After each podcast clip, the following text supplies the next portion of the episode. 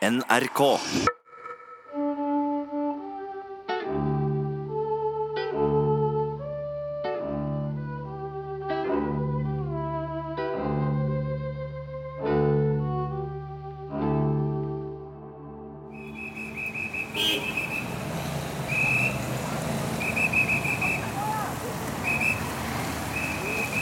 Nå står jeg i krysset av eh, Rue Saint-Honoré og Rue Royal. Rue Saint-Honoré var her under eh, revolusjonen. Jeg eh, nekter å tro at de hadde ei gate som het Rue Royal, den kongelige gata. Midt i krysset står det en politi og bruker fløyta for å dirigere trafikken. Og Det er altså noenlunde, men det spiller ingen rolle for min del, for jeg skal gå ned det som heter Rue Royal nå i dag og til en eh, stor plass som heter Place de la Concorde. Under revolusjonen så het det Place de la Revolution. Og det var her, på denne plassen, at alle henrettelsene skjedde. Det var her giljotinen sto mesteparten av tida, og det var her de ble kjørt inn, de som skulle miste hodet. I forrige episode så hørte vi at eh, dronning Marie Antoinette ble henta av bøddelen. Da ble hun satt i ei vogn og kjørt gjennom byen til hun kom fram til denne plassen. Og der ble hun henretta. I oktober 1793. I juli samme år så kom det ei ung kvinne samme vei som Marie Antoinette. Men i motsetning til dronninga så hadde denne unge kvinna blod på hendene. Hun hadde begått et drap, og hun var villig til å ta straffen for sin forbrytelse.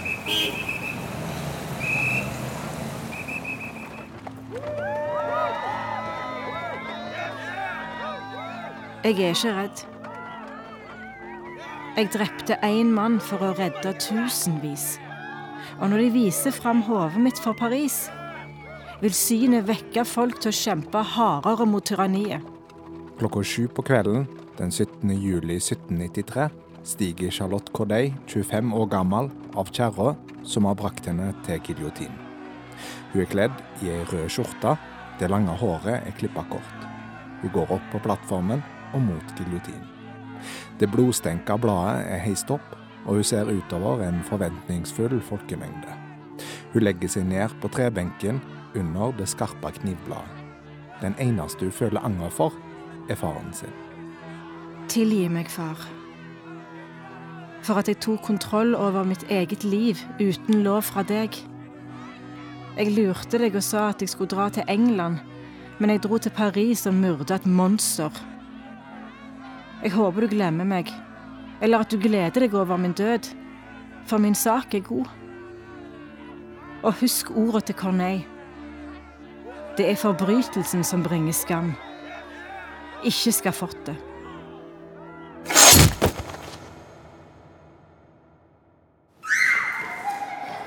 Barn leker leende gjemsel mellom søylene på Palais Royal midt i Paris.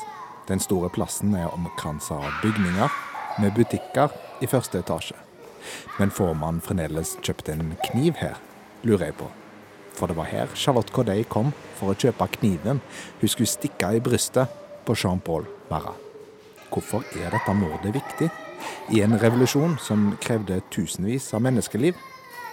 Du har kanskje sett det ikoniske maleriet av David som viser den døde Marat i badekaret med blodet rennende fra brystet. Vakker og verdig som en helgen. Mordet på Marat var motivert av en konflikt i revolusjonen mellom to politiske grupper, montagnardene og girondinene. Charlotte Corday støtta girondinerne, og så på Marat og montagnardene som fienden. Et onde i republikken. Det sier vår guide i den franske revolusjonen, førsteamanuensis i fransk, Geir Ufsløk. Ved å ta livet av Marat, så ville hun da frigjøre republikken fra noen som hadde en dårlig innflytelse på den. Kort forklart er girondinerne de moderate på venstresida i nasjonalforsamlingen, som nå kalles konventet. Montagnardene er de radikale. Girondinene syns at revolusjonen har nådd sine mål, og frykter at flere folkelige opprør skal få den ut av kontroll. De borgerlige bør ha så mye makt som mulig, og at man bør prøve å begrense folkebevegelsene, for de mener at folket er en farlig kraft. Montagnardene på sin side hadde stor støtte nettopp hos det opprørske folket i Paris. De mente at revolusjonen langt fra var ferdig. De mente også at republikken var truet av både utenlandske krefter, av borgerkrig, altså du hadde kontrarevolusjonære krefter, særlig vest i Frankrike.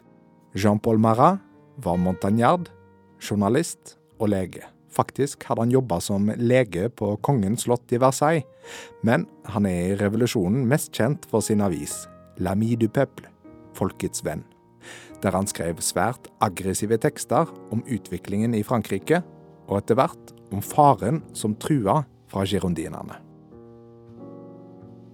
Denne maktkampen kommer til en slags voldelig klimaks, altså, og da blir girondinerne kasta ut av eh, konventet, nasjonalkonventet. Ja, og flere av dem. Dette er da i mai-juni 1793.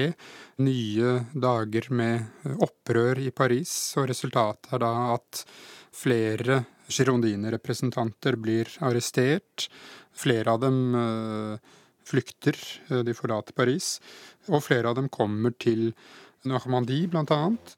Byen Caen ligger i Normandie, og det var hjembyen til Charlotte Corday. Her kom flyktende girondinere som forsøkte å samle folk til opprør mot montagnardene. Charlotte var skuffa over at de hadde rømt fra Paris i stedet for å ta opp kampen, og bestemte seg for å ta saken i egne hender. Uten å informere familien sin drar hun til Paris den 9. juli. I veska har hun ei bok med helteskildringene til den greske historikeren Plutark. Kanskje satt hun i vogna og leste om Brutus, som myrda tyrannen Cæsar for å redde den romerske republikken. I veska til Charlotte Corday lå det òg en pistol. Planen hennes var å skyte Marat i nasjonalforsamlingen for å få mest mulig oppmerksomhet om saken sin. Og Det fortelles at hun satt på en benk, sånn som den jeg setter meg ned på nå, og kom i snakk med en liten gutt på alder med de ungene som leker mellom søylene der borte. Gutten stikker hånda ned i veska hennes og trekker opp pistolen. Hva er dette for noe, spør han. En leke, svarer Charlotte og tar pistolen fra han. En leke som kan bli svært nyttig i disse tider, tilføyer hun, før hun skynder seg bort. Men Mara var for sjuk til å forlate huset sitt, og Charlotte endra planen. Hun ville dra hjem til han og drepe han med kniv. Og den kjøper hun i en butikk her på Palais Royal. Jeg tar en sjanse og går inn i den første og beste.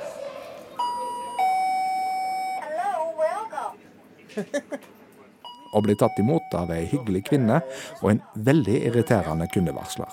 Charlotte Corday, Jeg forklarer ærendet mitt og spør hvor lenge butikken har vært her. I over 200 år, sier hun. 200 ans Og ja, Ouais, vous avez des couteaux de har kniver. Est-ce que je peux voir Quelle époque 18e siècle Sjøl om hun ikke vet om Charlotte Corday var akkurat her og kjøpte kniven. Si c'est pour Grand cons. Ouais, c'est- c'est- ouais. Chose comme ça. hein. Ah, c'est trop grand. Parce que euh, le couteau était caché dans le, dans le sac. Hun finner fram noe som ligner mer på en sabel. Det kan ikke ha vært en sånn en Charlotte kjøpte. Hun gjemte jo kniven i veska si. Kanskje det var i en sånn butikk som dette her at eh, Charlotte Corday kom inn. Eh, den har ligget her, sier hun, i over 200 år. Eh, og da kan den jo ha vært her i 1789. Eh, og den har solgt tobakk og tobakksredskaper hele tida. Og i dag er det et fantastisk utvalg av piper her. Det er, er piper fra vegg til tak i alle mulige fasonger og utgaver. Og man kan lett røyke seg i hjel på dette utstyret. Og så er det masse klokker. C'est pas. Non. C'est pas moi. D'accord. Merci. Je vous en prie, au revoir. Au revoir. Jeg kjøper ingen kniv denne dagen, men det gjorde Charlotte Corday. Og etter ett mislykka forsøk klarte hun den 13. juli å komme seg inn i huset til Marat. God dag, jeg kommer fra hva? Jeg har nytt om opprøret der som vil glede Marat. Ja, mademoiselle, det er umulig. Du må gå. Monsieur Marat er opptatt, dessverre. Slipp meg inn! Jeg vil høre hva hun sier. Ja vel. Vær så god. En sånn ung og vakker jente er ingen trussel mot meg. Monsieur Marat, det er en ære å få møte deg. Jeg er Charlotte Corday. Nå må du ikke se så forskrekka ut. Jeg er forbanna med en hudsykdom som gjør at jeg ser slik ut, og derfor må jeg ta lange bad for å holde det i sjakk. Kom nærmere, barn. Hva er nytt fra hva? Couture, Love, Giroud, Helvetes girodinerpakk. de Castel, La oss håpe at de snart er fengsla. Barbaro. Ja, det er alle disse i? De er helter av revolusjonen, og til ære for de er jeg her hos deg. Og jeg skal bli din bane. Tjener! Tjener, vi har en girodiner i huset! Kom på! Et monster! Marat! Marat! Du traff en rett i hjertet. Raseriet vekte hjertet mitt og viste meg vei til hans. Åh, var det jeg visste at jeg aldri skulle ha sluppet deg inn her. En gang vil du takke meg. Marat var et monster som brakte ulykke over Frankrike. Jeg vil bringe fred til mitt land, som Brutus gjorde da han myrda Cæsar.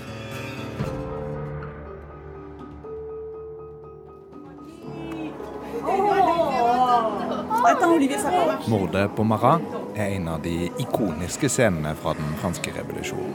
Så ikonisk at badekaret hans er på museum. Voksmuseet Grevin. Og jeg er på vei for å se det.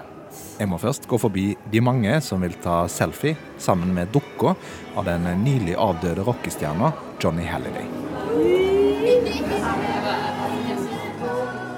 Over anlegget strømmer hans versjon av House of the Rising Sun, Le Penitencier i fransk språkdrakt.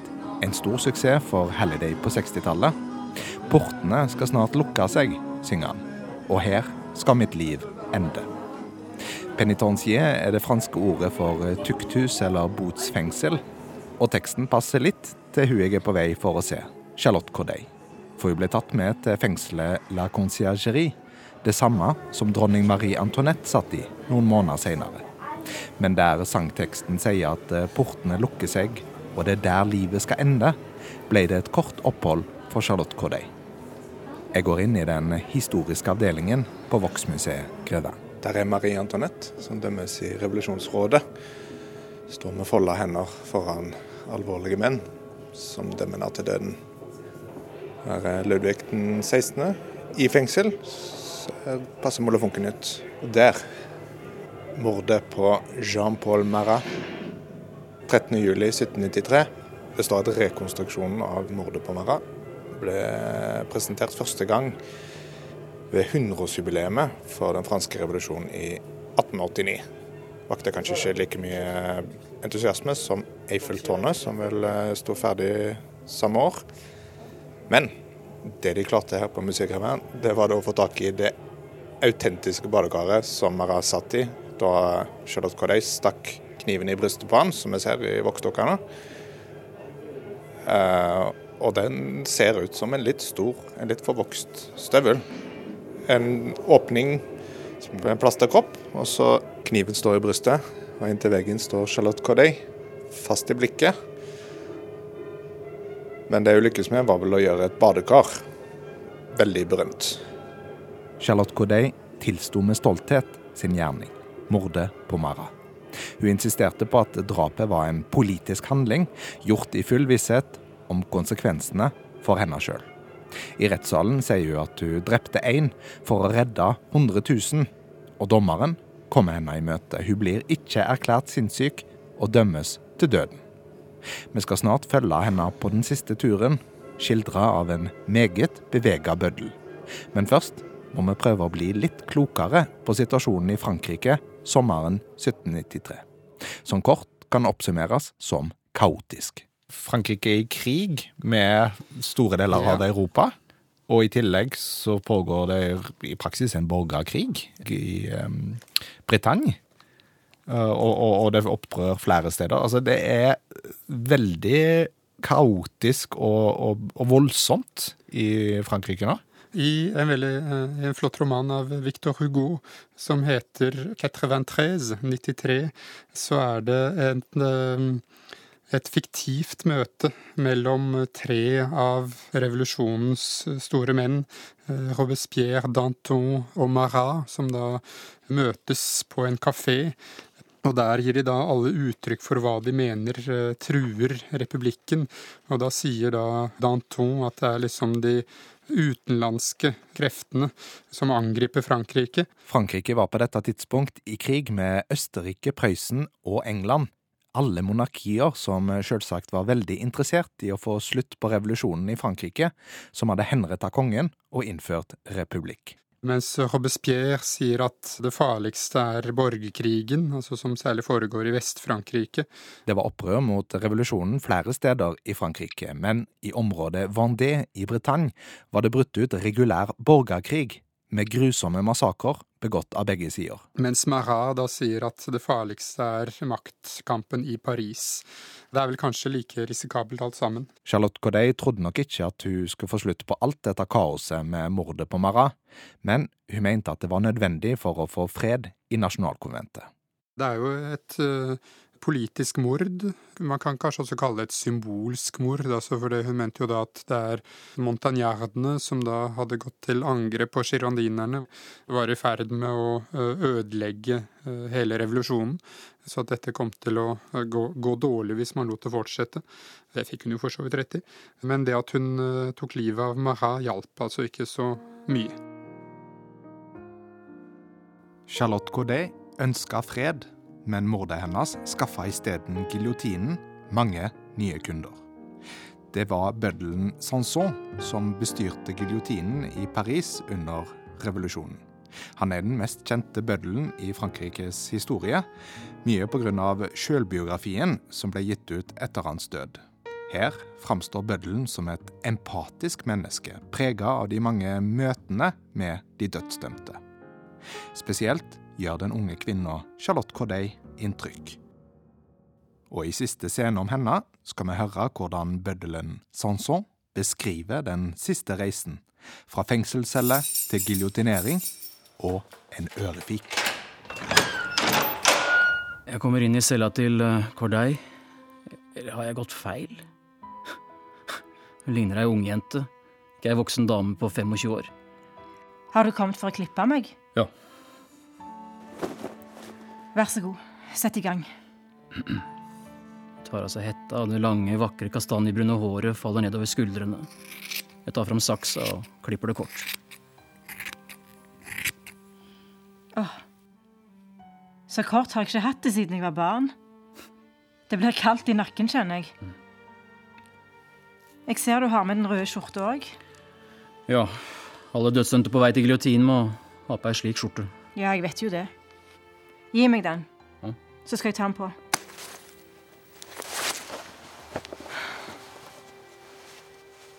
Sånn.